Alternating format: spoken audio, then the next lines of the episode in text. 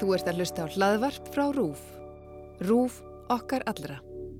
Þetta er Þú veist betur um íþróttasálfræði.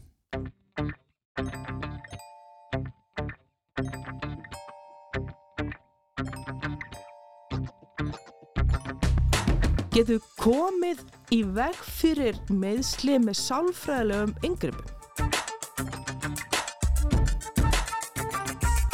Þú ert með fólk sem er búið að æfi fjör ár til að toppa sig á þessum tíma. Mm -hmm. Samt til dæmis eins og í sundi eru bara 20% sem bæta þessum tíma. Við vitum mjög oft að þú getur aðeins meira en þú þarf bara að ná því fram.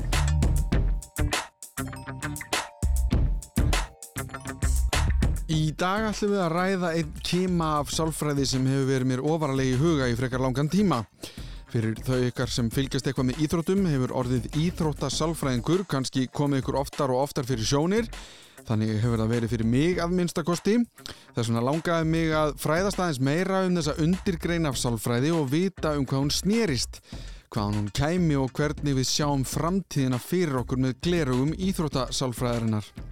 Ég fekk til mín Hafrúnu Kristjánsdóttur og áðurum við byrjum á sögunni fáum við kynningu frá viðmælandanum sjálfum.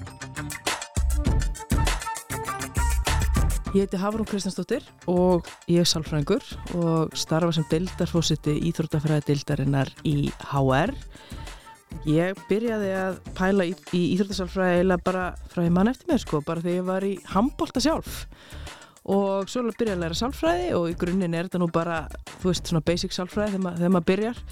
Skrifa svo meistarverkefni mitt um íþróttasálfræði og eftir ég útskrifast en sálfræðingur byrjaði að vinna með íþróttamönnum og íþróttaliðum svo bara held ég áfram og, var að hérna rannsaka tölvert mikið íþróttasálfræði vinna með íþróttaliðum, fór að kenna íþróttasálfræði. Þannig að það er svona, þetta er bara mín áhugamál, íþróttur og sálfræði. Það er samist í íþróttasálfræði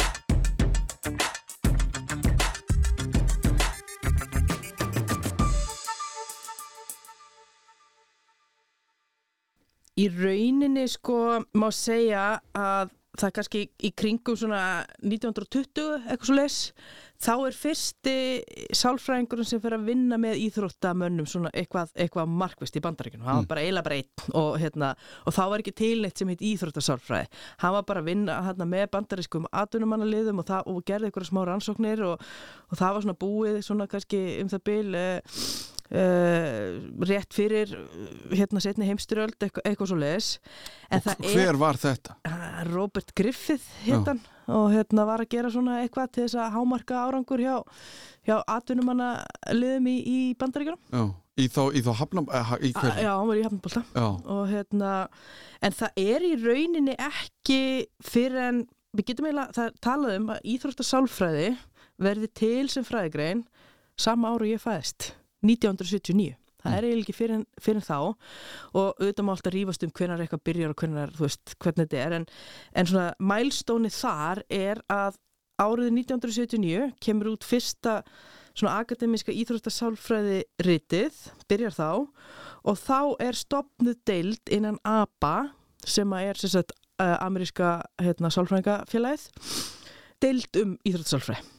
Mm. og það var svo deild nummið 47 Þannig að það er sko 46 undirgreinar sálfræðinar áður en að íþróttasálfræði hérna, áður en íþróttasálfræði kemur. Já. Þannig að það er talað um það að það sé svona startið sko. Þannig að 1979 en auðvitað er einhver aðdragandi að því að þetta, þetta gerist. En svo er sko basically að íþróttasálfræði verður eitthvað svona vinsalt fyrirbæri eða svona, verður svona aðeins meira mainstream. Það er á svona cirka á sjönda áratögnum mm.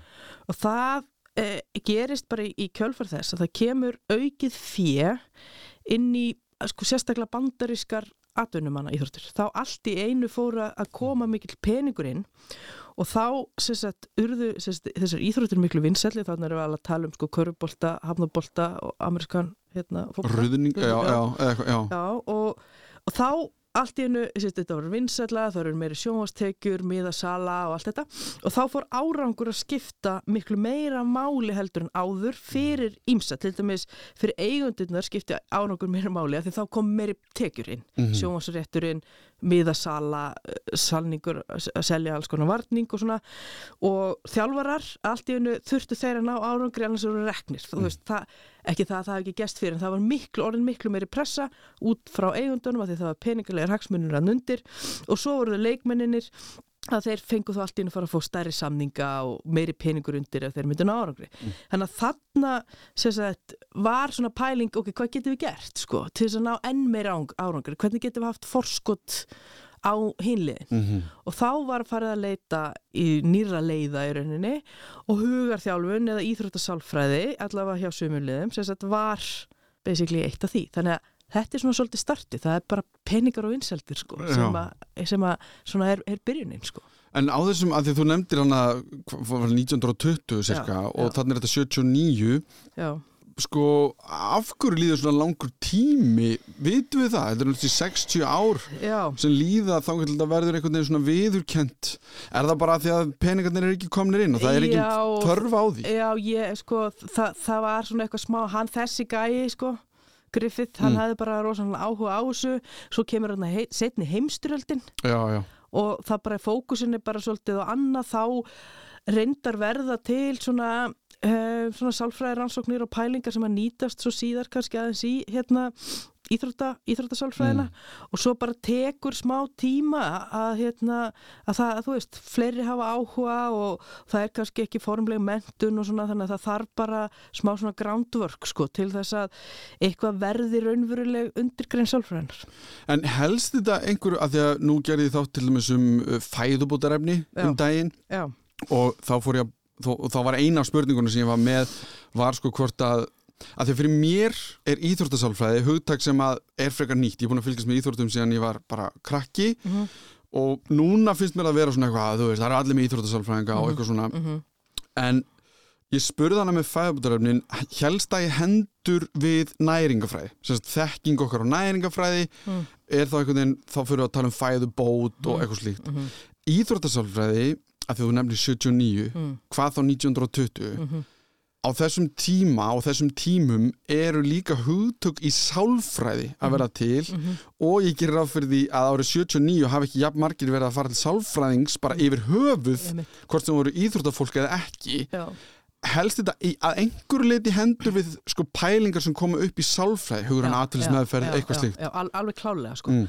út af því að íþróttasálfræði í grunninn hagnýtir í rauninni þekkingu frá öðrum uh, geirum sálfræðinar eins og mm. til dæmis klíniskri sálfræði, hugur hann alltaf sem að ferð sem dæmi, uh, frá félagssálfræði, hvernig virkum við í, hóp, hvernig vinnum við saman, samskipti, allt þetta, mm. uh, lífelsfræðilegri sálfræði, svona bara biofeedback og, og þannig mm -hmm. og eftir sem að, að þekkingin þar verður meiri og við náum betri árangri til þess með yngripum og slikt þá verður náttúrulega íþróttasálfræðin því hún hagnýtir þetta og býr svo til sín eigin þekkingu þá, þá verður hérna, þá virkar hún í rauninni betur sem að þá sínur hún enn frekar fram á sagt, rauninni gildi sitt já, já. Uh, við vitum meira, það eru fleiri rannsóknir þannig að hún helst í hendur alveg klárlega við þetta og svo náttúrulega bara breytt viðþorf innan samfélagsins eins og nefnir Já. og ég byrja að vinna með sagt, íþróttamönnum 2005 og e, þá sko ég byrja að vinna með íþróttalíðum sem er aðeins öðru en þegar ég var að vinna bara með íþróttamönnum svona sett einn og einn, mm -hmm. sem var einstaklega íþróttamenn og hópíþróttamenn, þá, þá voru allir sem komu þá voru með einhvers konar sko vandamál Já. sem bara svona personlega vandamál sem tengdist kannski ekki endilega íþróttinni eða gæti verið eitthvað tengt í ádraskunum eða erfileikar heima eða hvað sem það var sko mm -hmm. og vildu fá hjálpa fá hjálpu þessi vandamál til þess að myndi ekki hafa eins mikil áhrif á framistuðu í íþróttum Já.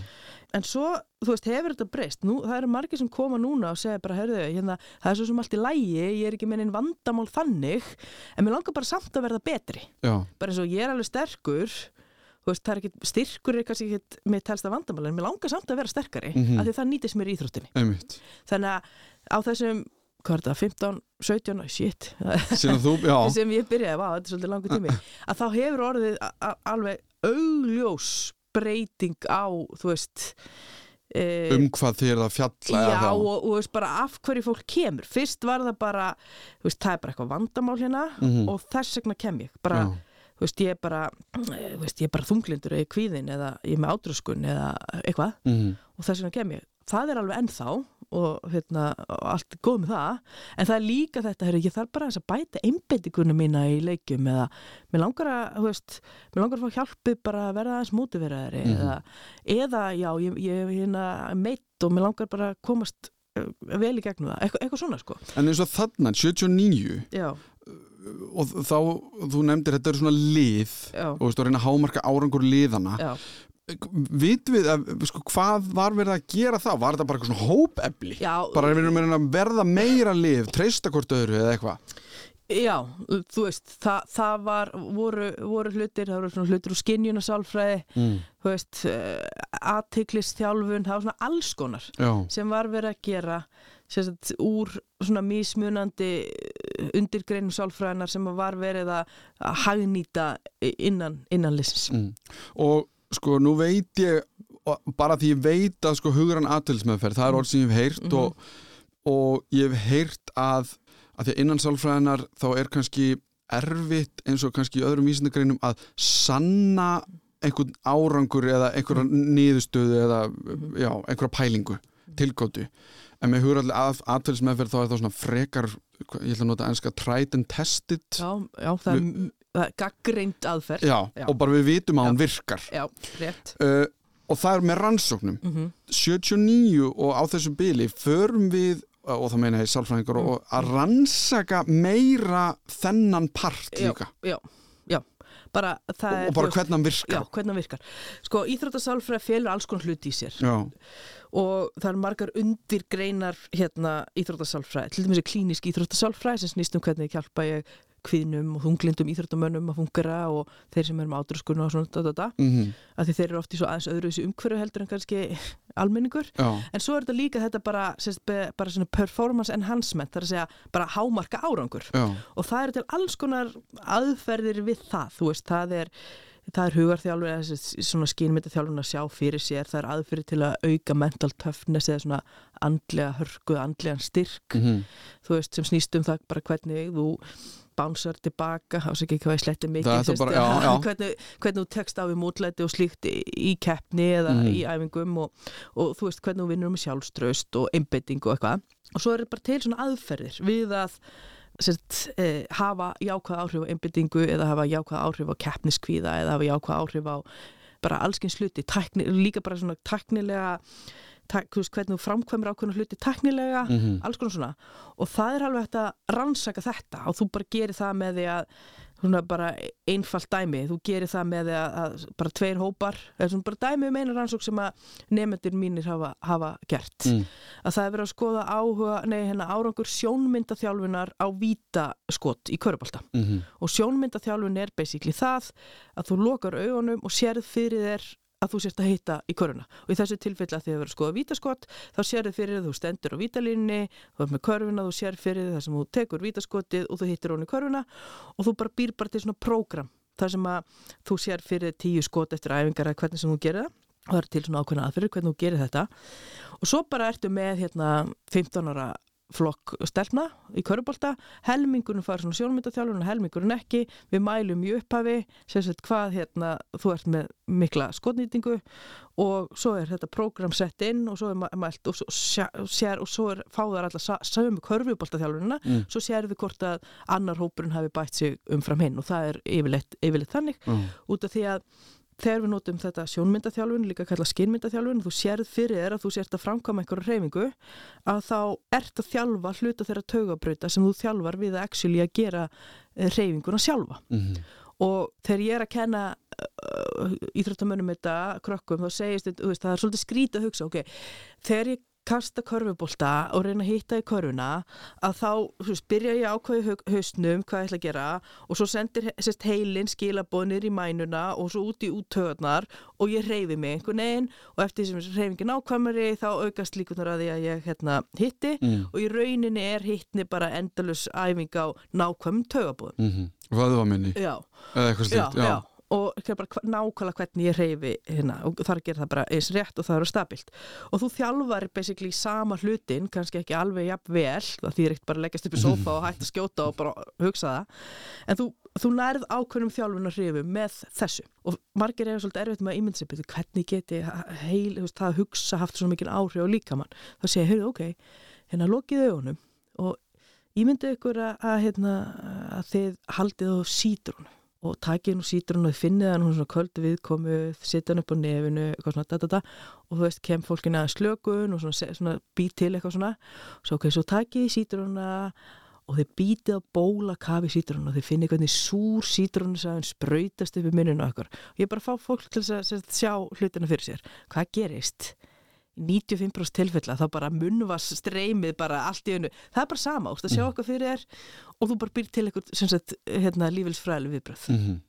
og bara það sama gerist þegar þú ert að efa vítaskotið en þú bara, það er ekkert munvatt sem að fyrir að Já, því, þetta er svo merkilt sem þú segir sko að því að ég byrjaði að tala um að innan sálfræðinir væru kannski hugtöku í gangi sem væru ill mælanleg Já. en íþróttir eru náttúrulega andstæðan Já. við það að, að þau, það er hægt að mæla allt Já. í íþróttum Þannig að þetta er einmitt aldrei áhugavert að þú sitt komið sálfræna þannig inn og mhm. getur bókstaflega mælt með tölum hvernig áhrif einhvern veginn eitthvað er að hafa. Já.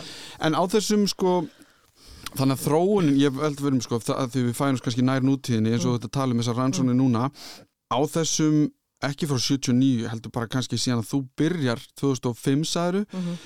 það er svona, ok, ég byrja að fylgjast með íþórtum aðeins fyrir það, -hmm. þegar ég var úrlingur. -hmm þá hafði ég ekki heyrt um íþórtasálfræði mm -hmm. eða kannski að því ég er úlingur og er ekki inn í einhverju -hmm. svona sálfræði kreðsu mm -hmm.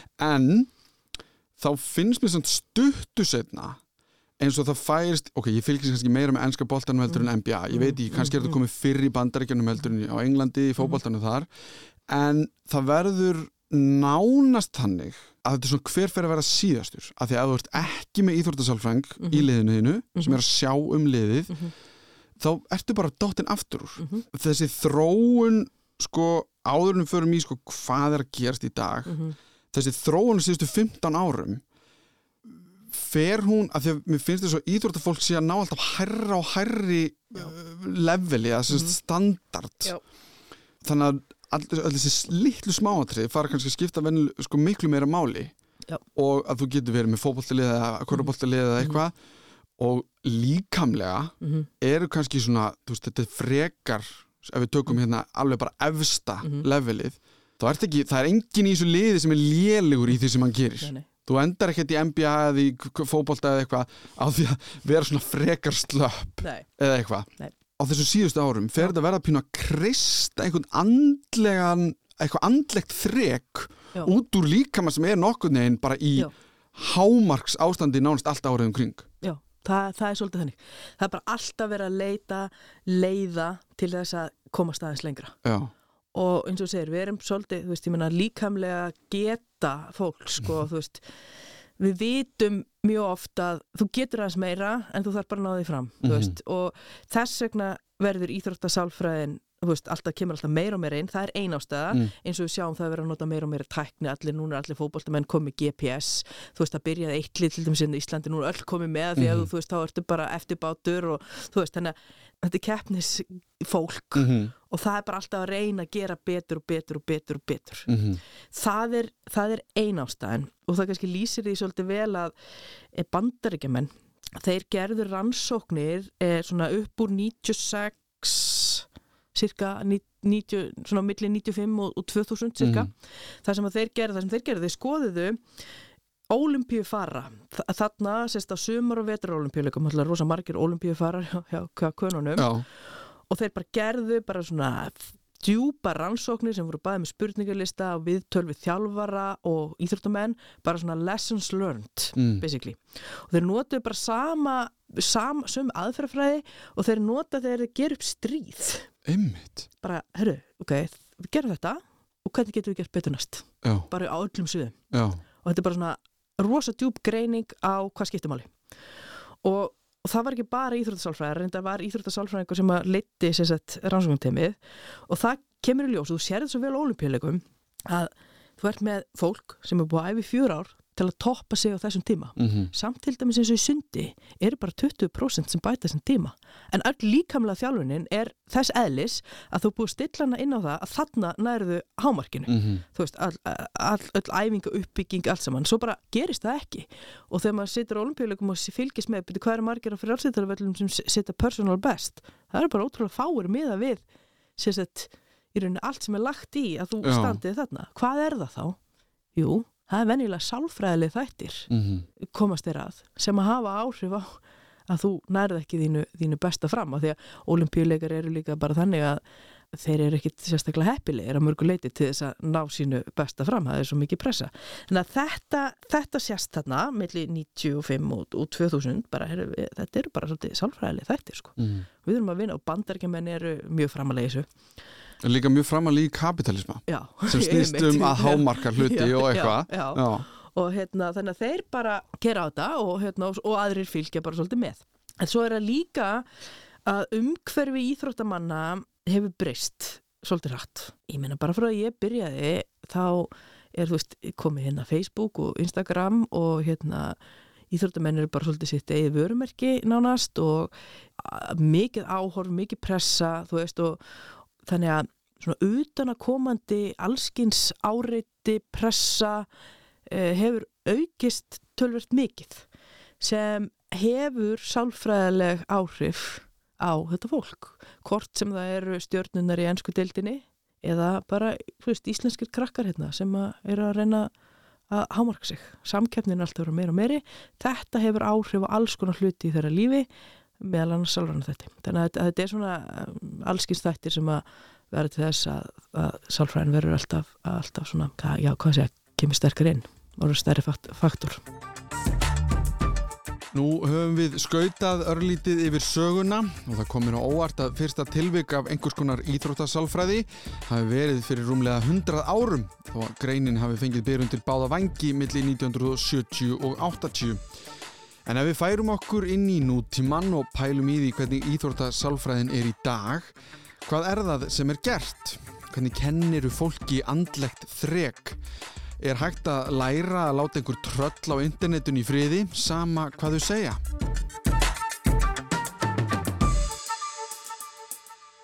afreks íþróttamenn ég, sko, ég upplýða sérstaklega í einstaklingsgreinum þótt ég hafi ekki eh, einar tölur á bakveða að þá er þetta fólk sem að sko, venni, við horfum á það hérna á olimpíuleikunum fá gull og bara, þú veist, við sjáum glory moment. Mm -hmm.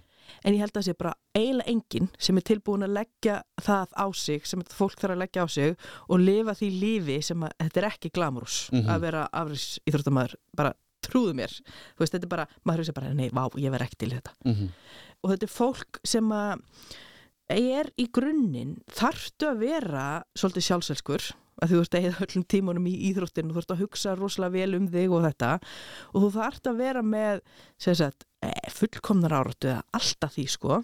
Og, hérna, og þetta eru svona eiginleikar sem að hjálpa þér að komast á ákveðin stað. Fullkomnar áratu, þú nánast sko áráttu kent hegðun Mhm. sem hjálpar að, og svona rosalegu fókus og, og hérna, markmiðadrifin og svona, sem hjálpar að komast á ákveðin stað. Og þau eru komin á þennan stað, að þá getur þetta orðið trublandi þettir. Mhm. Og það sem ég til dæmis er rosalega ofta að vinna með, með íþróttamönnum, ég er bara bestu íþróttamönnum hérna eh, Íslands til dæmis, er þetta, já, ok, eh, ég veit að þú ætlar að vera, þú veist, komast í úslut olimpíuleikum eða gera eitthvað rosalegt, ok, en fók, sko, hættum að fókusa á niðurstöðuna, ef við ætlum ekki að við ætlum ekki að segja neini, ég ætla bara að gera mitt besta Þetta snýst um veist, heldur bara, ok, hvernig þurfum við að framkoma þetta? Mhm. og hvað, þú veist, hvernig þarf þetta bara að exekjúta það sem þú ert að gera, hvað skiptir máli? Þú veist, hvaða framistuðu þarf þetta að sína og fókusera svolítið á framistöðuna versus niðurstöðuna án þess að taka hana algjörlega út úr, út úr myndin, það er ekki þannig. Leið og þú gerir það að þá ert aðeins að þá nærður svona aðeins slökun. Þetta er samt ekki alveg auðvelt að, hérna, gera þetta. Þannig að svona fókus og framistöðu versus niðurstöðu uh, án þess að gleyma niðurstöðunni sko. það er líka svona þættir eins og bara, ok, hvað hef ég stjórn á? Ég hef ekki stjórn á væntingum annara ég hef ekki stjórn á hvað fólki segir á netinu. Alls konar hvað ríkistjórnin setur í hérna, íþróttamál í Íslandi eitthvað, Svo-. Svo, sannarlega ekki Já, það sko og, og þú veist, og, það er náttúrulega eiginlega alltaf eh, hjá einstaklingsýþróttamönnum bara rosalega fjárasvandamál Mhm. og hérna og eitthvað og Þannig að þú er áhyggjur líka af því hvernig lifi ég af bara, eða bara já, ég meina, einstaklings, bara bestu einstaklingsýþróttamenn á Íslandi fyrir utan crossfit, hérna, uh, stelpunar Mm. mm. krakkana Mm. ekki með þau eru bara meiri átt að vandra að láta ná endur saman sko. Mhm. Þau eru bara, þau sitja bara ekki við sama borð og keppinni þeirra hvað þetta var, Mhm. mjög oft allavega það er bara, Það er bara staðarind já ég meina maður sér það bara ég, Já, bara, farið með ómörg mót þess að veist, þetta er bara ekki sambarlegt Nei. og við eigum pínu að skammast okkur fyrir það Já, og svo erum við til í að klappa fyrir þeim þegar Einmitt. þeir koma í lefstuð sko. eh, þannig að það, það er alls kyn svona hlutir sem að hérna, ég er að vinna með þeim, ég er að hjálpa þeim að sko, skipulegja sig að, að horfa á staðan fyrir bara hérna olimpíuleikar eftir sko sjö mánu bara, þú veist, ú, þú veist að ok, byrju hvað ætlum að gera í þessari viku til að taka einu skrifi lengra? Svona, svona semi-markmisetning mm. en svo eru sumir sem að hérna, svo, svo sumir sem þurfa kannski streyti stjórnun svo eru sumir sem þurfa hérna uh, einbyttinga þjálfun og svona, þannig að það er aðeins en það er þetta svolítið sko bara, herru, fókusur á sjálfa þig og hvernig þú verður betri, Mhm. þú veist, svona það hugafar Mhm. og sko en að sama tíma að þú einhvern veginn fórnar öllu fyrir íþróttina þína að eiga líka líf Mhm. að því að það er sko, e, þe að því það gengur ekkert alltaf vel íþróttum, þú getur meðist og eitthvað og ef íþróttin er það eina sem þú hefur í lífinu, Mhm. að þá gengur illa í lífinu þegar íþróttinni gangi illa. Mhm. þú verður að hafa eitthvað til að hverfa til. Og eh, Tim Harkness er, er hérna uh, nági sem var uh, yfir sálfrangur Chelsea fótballleginu Mm. og er núna head of sports science hérna, hjá Chelsea. Mjög gaman að spjalla við hann. Og hann sagði bara, heyrðu, hérna það sem ég gerir fyrst og fremst með þessar súpustjörnur og þá sem er hann í varleginu er ég segja bara, heyrðu, finnst þér hann áhagamál bara til þess að þegar að gengur ítla á æfingu eða eitthvað, þá getur þú aðeins kvilt hugan sko, það er ekki bara fótbolti svo, svo endar hann eða þú bara getur meðist alveglega þá fara sér strákar ofta strákar bara í algjört rugl sko, mm. -hmm. það er bara ekkert annað í lífinu þannig að maður líka stundum að hugsa um svona exit plan og þannig að það er svona alls konar hlutir og Mm. svo er uh, þunglind og kvíði það er tölvert ég það er allavega ekki óalgengar en hjá almenning. Uh, og ég mæli með því sem hafa áhuga á því að það er hérna það er til bíómynd sem heitir Weight of Gold. Hún var sínd á HBO Mm. Max, þessi streymisveitin HBO getur verið hægt að finna ekstra annar Mm.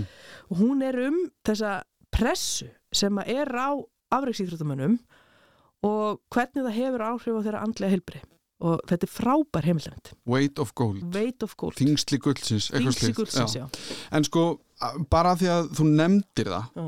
þetta með meðslin Mm.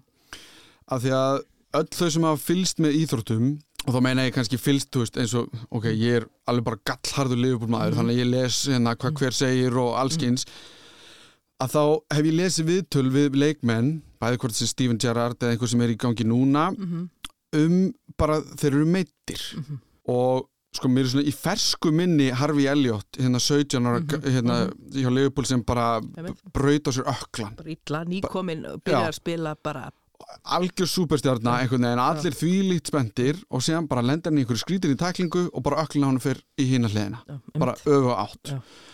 og mér fannst svo rugglað að horfa viðtölu við hann mm -hmm. að því hann virtist vera bara 17 ára en með hausinn skrúaðan á, hann var að segja við klopp bara, heyrðu, ég kem tilbaka, ekkert stress Mhm. einhvern veginn, á meðan að eh, ekkert á meðan, en síðan á hinbóin hef ég líka verið að lesa viðtölu aðra og þó, nú er ég bara að tala um því ég fylgst svo vel með því sem hafa verið að segja bara þetta er bara ógslag erfitt. Mhm. þú lendir í að slíta crossband eitthvað svona löng meðsli sem fyrr á tíðum voru nú kannski meira svona ferils endar heldur en í dag. En þú veist, þú þarft að taka á þig ekki nóg með áfallið að þú meiðist Mhm. Og allar þessu hugsanir, er ferlinn búin er bara það sem ég er búin að vera að vinna að sístu 15 ári eða eitthvað bara búið. heldur líka sko andlega þrekið til þess að gefast ekki upp. Mhm, mhm. þessi partur hlýtur að vera stór af því að þetta er svona einhvern veginn við, við höfum öll bara eitthvað verðum eldri og allt er okkur illt í bakinu og okkur líður bara eitthvað verð verkir, já, láta okkur líða verð já, en við erum í einhver, það er enginn samt að býða eftir að við komum tilbaka og borga okkur hérna 150, ég veit ekki eitthvað, þúsund pund á viku. þessi partur Mhm. hlýtur að vera og geta verið rosalegur svona pittur. Það eru sko alveg e, íþróttasálfræðingar sem bara sérhæfa sig í þessu. Já, og það eru bara til fullta rannsóknum um þetta.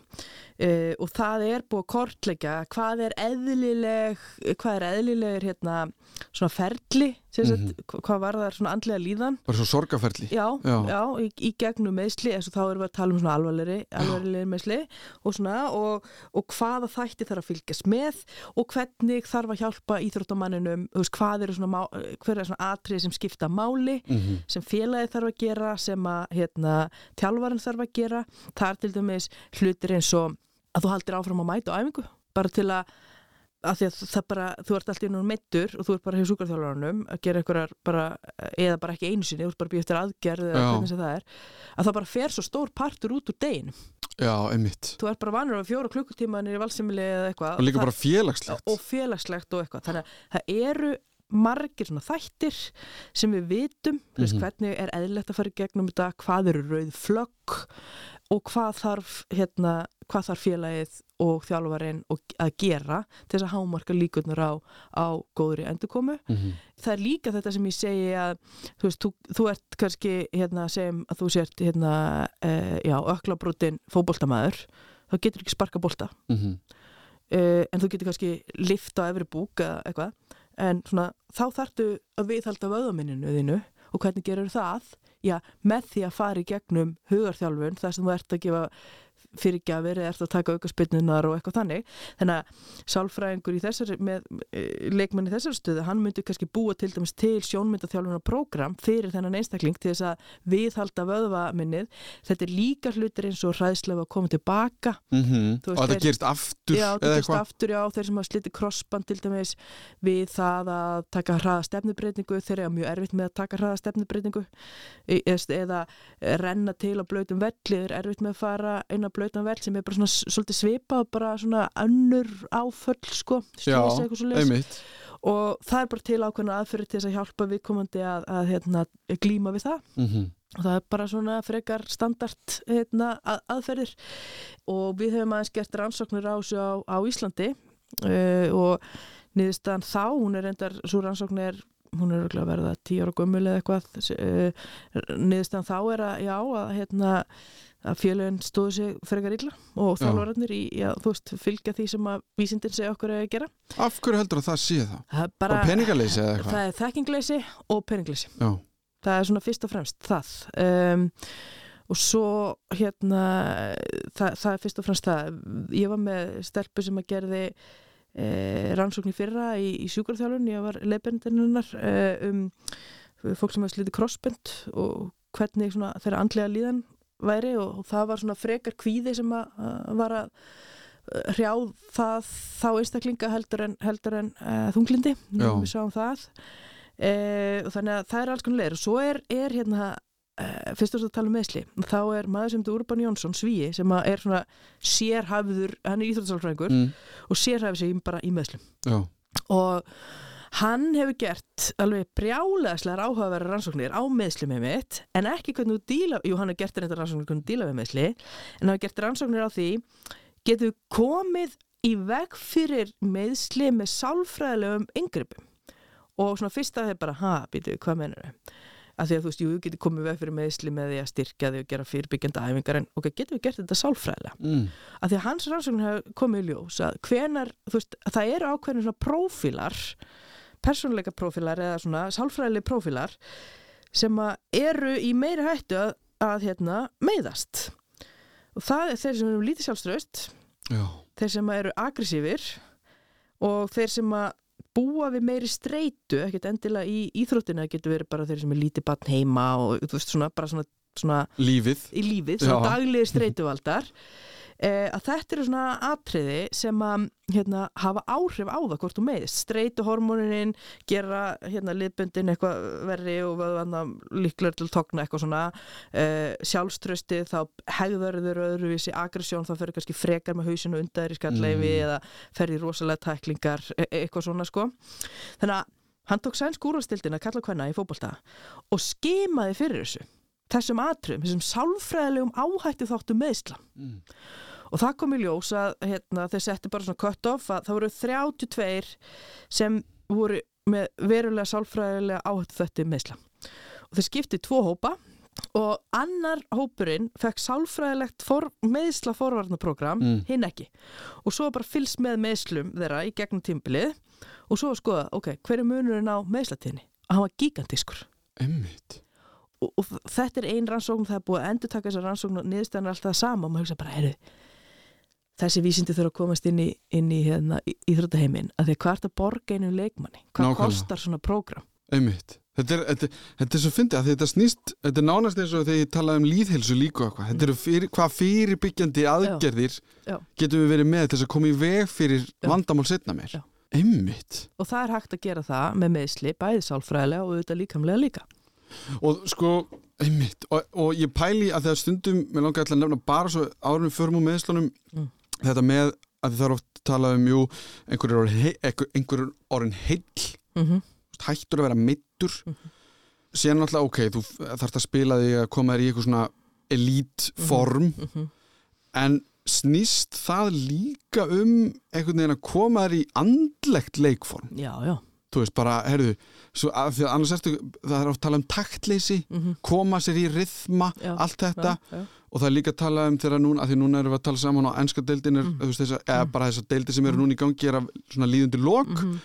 að það er að byrja að tala um andlega þreytu, þú veist, það er mikið leikjum búnir, já. allt þetta sko, hvernig hvernig tæklar það þegar að fólk er að spila í íþrótt og það er kannski mitt búið með marga mánuði og nú er ég til og með að hugsa um enn eins og Sala og Mane, svo ég tala aftur um Já, Liverpool já. en þú veist sem eru búin að fara á Afrikumót Mhm. annar þeir eru búin að tapa í úslitum hinn búin að vinna Mhm. síðan koma tilbaka og þetta eru komnir einhverjir, þú veist, ég veit ekki hversu margir leikir, það eru nýju leikir bara í apríl allt þetta maður hefur heyrt talað um kaffinislu þú veist, það er einhver svona þú veist, það er að drekka tvöfaldan espresso fyrir leika að þá bara er einbendingin þú veist, Sæk- já, bara þú ert komið efni inn í Já, líkamann já, sem gera já. bara einbendinguna Já. meiri en líka þetta hvernig getur við átt við þennan, þetta andlega þreg já. þegar það er engin kvíld það Já. er engin kvíld í auksin þetta eru bara næstu tveir mánuður eða eitthvað Já, það er hérna, þetta er ekki alveg auðvelt, sko, Nei, en það fer aðeins eftir því, hérna, hvar þú ert statur. Eins og fyrir mann og sala núna þá er svo, þá er svo margar gulrætur. mm Og, já, emmitt og eftir, ef það eru margar gulrætur, þá er það betra. Þetta er erfiðar eða þú væri í, hérna, ég veit ekki hvað liður um miða deild, sko, þú veist. Menna, ef við tökum. United núna Já, sem já, ég hef heyrt, líka að sé bara Já. ok, þeir hafi ekki aðeins að keppa þeir eru pína bara, getur þetta verið búið það, þú veist, það er, það er rosa erfitt eiga við það. Já. En í grunninn, basically, er það þannig. Þú bara, herru, fokkar er bara nýju leikir hérna apríl og bara, oh my god, ég er bara strax svona þreyttur og bara, úf, þú veist Mhm. eitthvað. Það snýst, þú veist, þú þarf, þetta er alltaf einstaklingsbundið og lalala. það er engin algild regla auðvitað en, en þetta snýst um sko að setja einföld markmið inn í hvert leik, bara eitthvað, þeir eru við bara einbætt ykkur á A og B, eða þú ætla bara þú veist, hérna, ég vil bara sjá þetta og þetta og, veist, og það sé eitthvað svona gulrót og bara eitt leikur í einu, ég veit að þetta er algjör klísja Mm. en þú brýtur verkefnið upp í minni hérna, eh, minni einingar, já. bara rétt eins og þú veist er bara úr að fara í prófatörn sko já, ætla eða bara eitthvað sem Já, við, já, við já, sem erum ekki afreiks íþróttafólk gerum Já, þú veist, það, það er eiginlega það Mhm. býr til lítil, spennandi markmið sem að bara, ég ætla, þú veist, ok, ég kemur handbólta þannig, þú veist, ok, við erum að fara hérna inn í þennan leik og hérna, þú veist þetta er kannski, þú veist, í mannin sem við vorum í svona törn og kom eitthvað svona, það var Evrópikeppni og svo var eitthvað byggar og slutleikur og, og svo var eitt svona leikur sem var svona algjört slipper í slóp leikur einhver sko Mhm. móti liði sem við ættum alveg klálega að vinna og, og, milli Evrópuleikja ferðalega eitthvað þreytt og bara alveg típist að maður myndi renna á, bananu hinu, Mhm. hinu þarna þá bara, herru, ok, herru, í, þe í þessum leik ætlum við bara að leggja massa áherslu á varnarleikin og ætlum að reyna að ná eins mörgum fríkostum og við getum. Einmitt. Og bara ef við gera, ef við náum henni yfir 40 náum yfir 40 fríkostum að þá hérna, þú veist fáum við það er hérna, okkar sigur það er okkar sigur, veist. Og þjálfarinn átt að sjá kannski bara sóknarleikurum bara kemur eða eitthvað sko, mm Mhm. -hmm. fáum hraðarblöp, hvernig sem það er. Og þá skulum við bara hérna ge, veist, þá gerum við eitthvað, eitthvað veist, þannig að brjóta þetta eins niður og efla motivasjón með, með slíku búa til gulrót og, og, og svo framvegs, þetta, þetta er svolítið þannig sko. Já. og þarna að, að hérna, jú, jú, þú veist þú ert með afræksýrsta menn, þú þarft ekki að segja að það er að vinna leikin, ég meina. Meina, það, er er- gefið. já, meina, segir eitt við, hérna og við, hérna, Manu og Sala við ætlum að vinna hann að Já. veist. en það er svona að brjóta þetta upp. Það, og ég meina, motivation er eitt af flóknasta sem þú vinnur með, sko.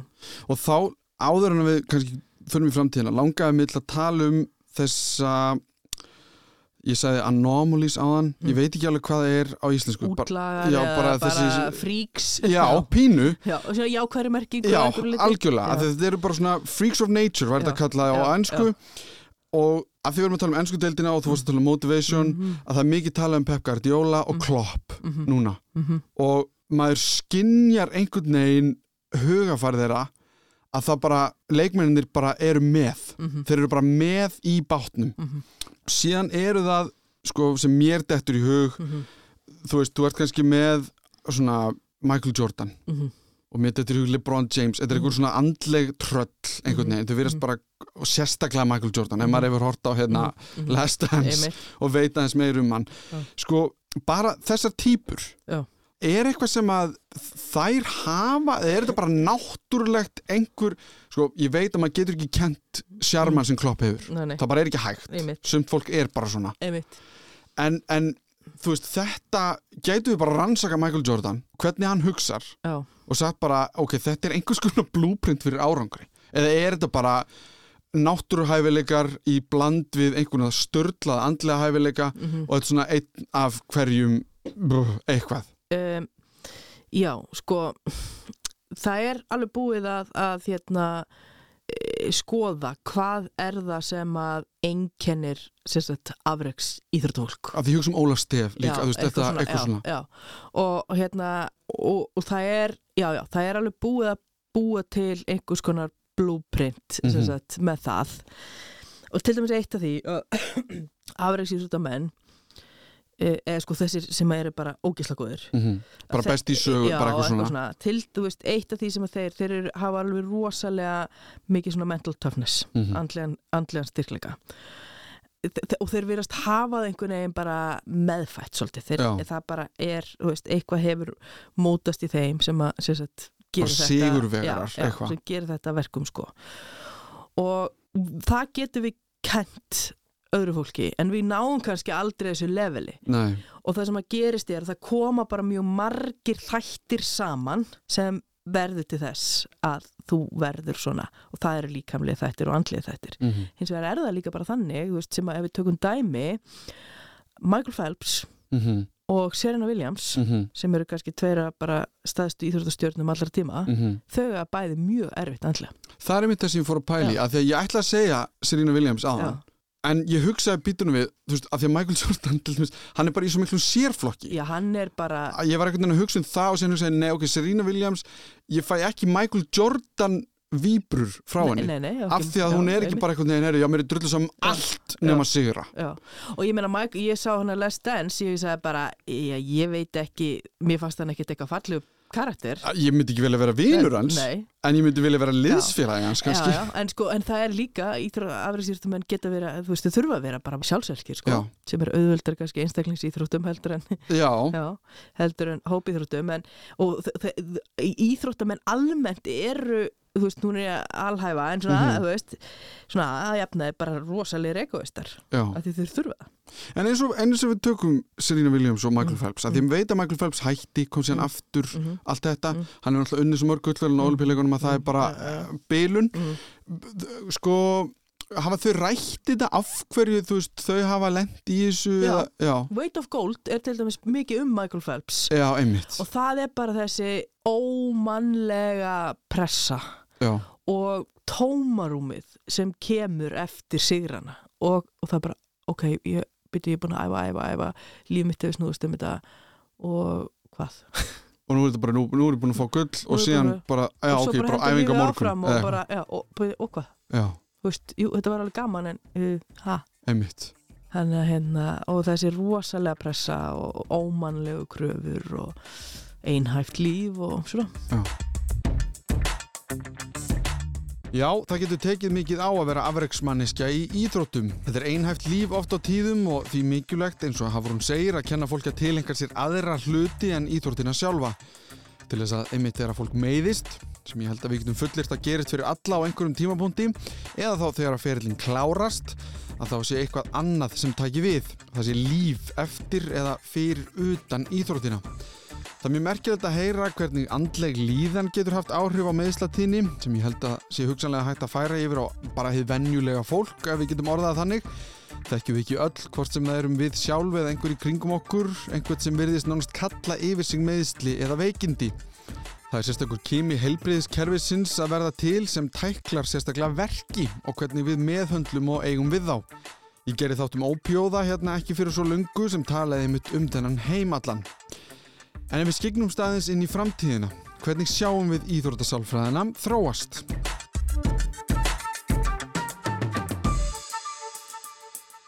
Það sem að gerist er að það munu verða sálfræðingar í miklu meira mæli starfandi innan íþróttarhæfingarinnar, innan íþróttaliða, ég menn það er náttúrulega þannig í staðstu klubum í heimi sko, um, það er engin starfandi íþróttasálfræðingur fullu starfi hjá íslensku félagi, það Mm. mun gerast innan í, í framtíðinni Hvað heldur að hangi, eða sem sagt, á hver, er það bara peningar? það er, það er á Íslandi eru það peningar mjög miklu leiti því við erum búin að tala um árangur sko, já, mér finnst svo skrítið að það séu svo mörg félag og mikið af fólki út í heimi búin að Já. átta sig á árangrinum Já. sem getur, þetta getur gefið Já. af sér já, og nú erum við að keppi Afrópukeppnum og allskins já, já. að setur þetta okkur ekki þá í Sko, verri stöðu? já, já, sko þetta er þetta, jú, einmitt sko þetta er, annars er þetta peningar Mm.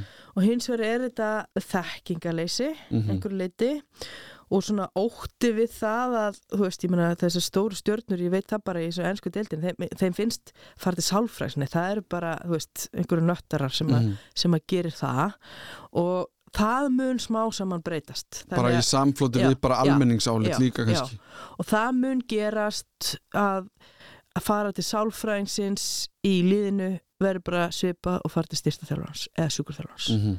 og þessar stjættir munum vinna saman sem teimi þannig að þetta mun gerast svona. E, Íþróttasálfræði mun líka fara meira inn í, í hérna, bara svona um, þjálfun almennings og slíkt sko. Hvernig ef að móti vera fólk til að reyfa sig? Mhm. þú veist, sem er ekki afreiksins þetta fólk það bara skiptir máli fyrir heilsu þjóðar. Þannig að því að íþróttasálfræði skiptist í rauninu upp í sagt, sport and exercise psychology. Mm. exercise psychology er rauninu hvernig getum við haft áhrif á veljan fólks til dæmis geðhilsu með því að reyfa sig Einmitt. og það er í dag fyrir ekki lítill partur af íþróttasálfræðinni eiginlega bara svona mjög lítill Já. það verður stærra og stærra En heldur að þetta fari, að því að nú er ég bara að hugsa út í þjálfara mína Mhm. þegar ég var yngri mm -hmm. og ég ætla nú ekki að fara að blasta einhvern hérna, en reyðistjórnun no. var partur að því, Einmitt. öskur uh, einhver tíman var ég framherri í fótbolta og Mm. hvertað undan því að miðjumenninni gæf aldrei á okkur Já. og þá var ég á næstu aðeingu bara settur á miðjuna til þess að sína að það væri nú ekkert svo auðvelt að vera já. þannig ég hugsa sko Mm. að því vorum tala um Klopp, Guardiola heldur þetta fari meira inn í líka að því þú- fólk tekur þjálfararéttindi Já. þá þarf að taka þjálfararéttindi og allt þetta er þetta partur af því að verður þetta heldur meiri partur af því Já, ég get einmitt bara sagt þér það í síðustu viku eða eitthvað að- að það er sem sagt við í HR sjáum um bóklega kjenslu í, í kurs sem heitir Master Coach mm. Uh, sem er svona aðsta þjálfaragráða í uh, hjá EHF, alþjóð eða Evróska hangnalssambandinu Mm. og það er svona prógram á, á Íslandi og það eru sko 15 tímar í Íþróttsálfræð þar, Mhm. þar sem við erum til dæmis að fjallum þetta sem við erum að fjallum hérna þannig að já, þetta er að koma meirinn það sem að gerist líka er að kennslóðir breytast Mm -hmm. og það er einmitt byrjað að rannsaka það núna kynnslóðin sem er í Íþróttum núna heitir hérna, kynnslóð Zeta mm. og þau bara bregðast öðruvísi við skömmum og öskrum og eitthvað heldur en kannski mín kynnslóð gerði. Mm -hmm. þjálfunar aðferðir þetta, þetta öskur og læti það bara fyrir að virka ekki eins vel. Meina það bara gengur ekki það bara gengur ekki. Og þá annarkvort þurfa þjálfunar að breyta sér mm -hmm. og nota aðra aðferðir sem virka betur fyrir þessa kynnslóð eða segja bara já, þetta er nú meiri helvit semingarnir og þú veist að öskra mm -hmm. og þú nærði ekki árangri og þá bara feitar út sko. Já, er þetta ekki svona líka því að ég nú aðeins að kynna mér hérna hvað segir maður, hérna kenningu Darvins hæfistu lifa af og eitthvað menna þetta snýst líkum það hér já. að ef að allur árangurinn er að nást þarna þá Já. Þú getur haldið aftur og verið einhver afturhaldsemi og eitthvað en þá bara dettur liðið úr félagi og deildinni sko, og eitthvað. þú veist, það þú hefur tvær leðir breyta þér, breyta heitli kynslof hvort er auðveldara Nú er komið að lokum hjá okkur í þetta skiptið. Ég hefði gett að tala miklu lengur um þetta allt saman en það er fínt að setja okkur ramma svo okkur einasti þú veist betur þáttur sé ekki margir klukkutímar. Ég lærði heilan helling og ég vonaði að sama eigi við um ykkur. Ég vil þakka Hafrúnu Kristjánsdóttur kærlega fyrir að koma og fræða okkur um þetta allt saman. Ég heiti Allimár Steinarsson og þakka fyrir mig. Ef það eru einhverja spurningar eða ábyrningar getið þið sendt mér post á allimar.ruf.is Þetta var Þú veist betur um Íþróttasálfræði.